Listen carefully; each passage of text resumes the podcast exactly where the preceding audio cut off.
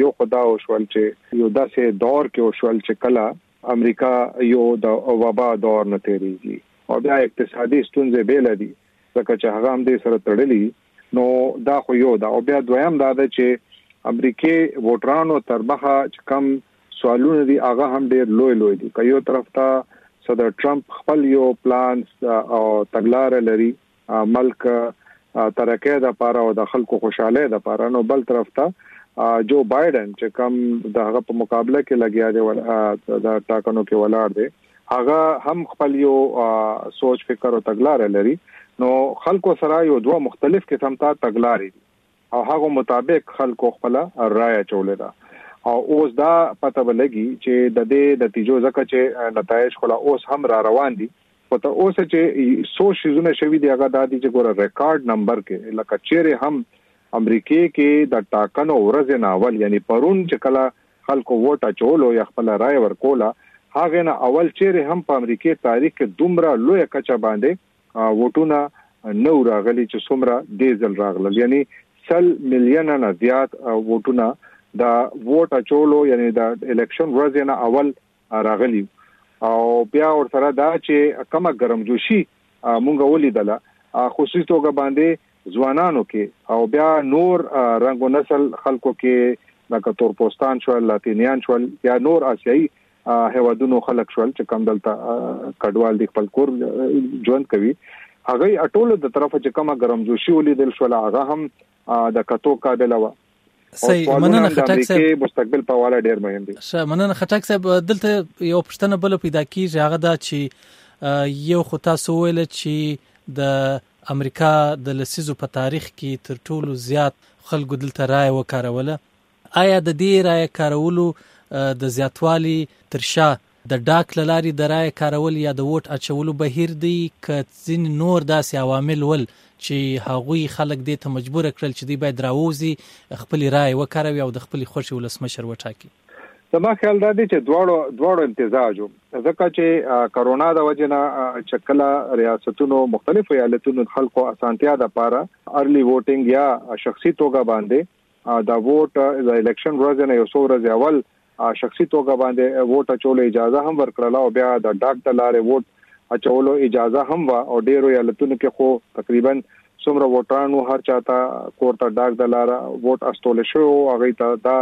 چويس و چې هغه خپل په ذاتی شخصي توګه باندې ووټ چول غواړي او کا ډاک د لار نو یو خداو چې د د وجه نه هم ډیر زیات دروند ووټ راغللو او بیا ورسره دا چې لکه ما تاسو ته وویل چې دو ټاکنو کې ډیر زیاته ګرمجوشي ولیدل شوله دواړو کاندیدانو طرفه که صدر ټرمپ خبره وکړو او که جو بایډن خبره وکړو دواړو د طرفه په دې کې ډیر زیات مهنت هم شوی دی زما په رای کې دواړو طرفه ډیر بھرپور انتخابي مهم چلول شوی دی او ډېر زیات تقریبا هر چرته دی کوشش کړی چې ځان ورسوي او ووټران دې ته قانع کړي چې هغوی د ټاکنو په ورځ بهر راوځي او ووټ واچوي او بیا خلک یو طبقه دا ده چې چا رایه دا ده چې صدر ټرمپ ته څلور کاله نور پکار دي ولې چې هغه چې کوم هیواد کم طرف ته روان کړي دا بالکل ټیک درست همت دی او دا صحیح لار ده او په دې باندې زمونږ چې کم ستونزې دي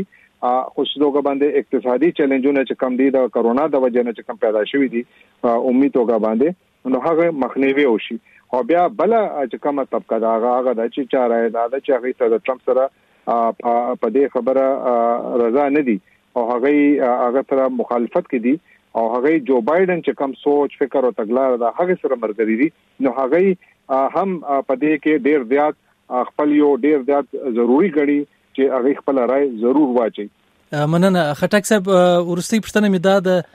کڅم تاسو مخکې په خبرو کې وول چې د دې انتخاباتو نتیجې به څو ورځې وخت واخلي ځکه دا د پخوانیو پرتله بیل دي خو دلته زما پښتنه دا ده چې د کانګرس د دواړو جرګو کنټرول لکه موږ د استادو جرګه ورته ویلای سو بل د مشرانو جرګه یا سېنات د دغوی د پاره هم خلک خپل رائے کاروي د دې کنټرول هم د ولسمشر د پاره ډیر مهم دی چې خپل ایجنډا په اسانۍ سره منزور کړي نو د دغو د هاوس اف ریپرزنټیټیوز یا استازو جرګې او د سېنات یا د مشرانو جرګې د غړو انتخاب به څومره دا واری بیل وي یا دا واری به څه اثر به وي زما خیال دا چې دا انتهایی انتهایی مهم دی هر چا فکر صدارتي ټاکنو باندې دی او هغه باندې توجه ډیره زیاته ده او زه لکه دې بالکل تاسو سره د خبرې باندې اتفاق کوم چې دې طرف ته چې کومه توجه ده چې کوم پکار دغه دې نه پکار چې دې نه هم زیاته وي ولې چې کا صدر ترامپ وګټي او کا جو بایډن وګټي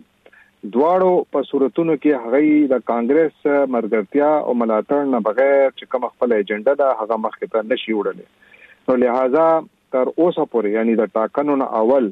د هاوس اف ریپریزنټیټیوز یا استازو جرګه چې کومه ده د دې کنټرول د ډیموکراټیک پارټي په کنټرول کې او چې کوم سنا ده سنټ هغه د ریپبلیکنز په کنټرول کې و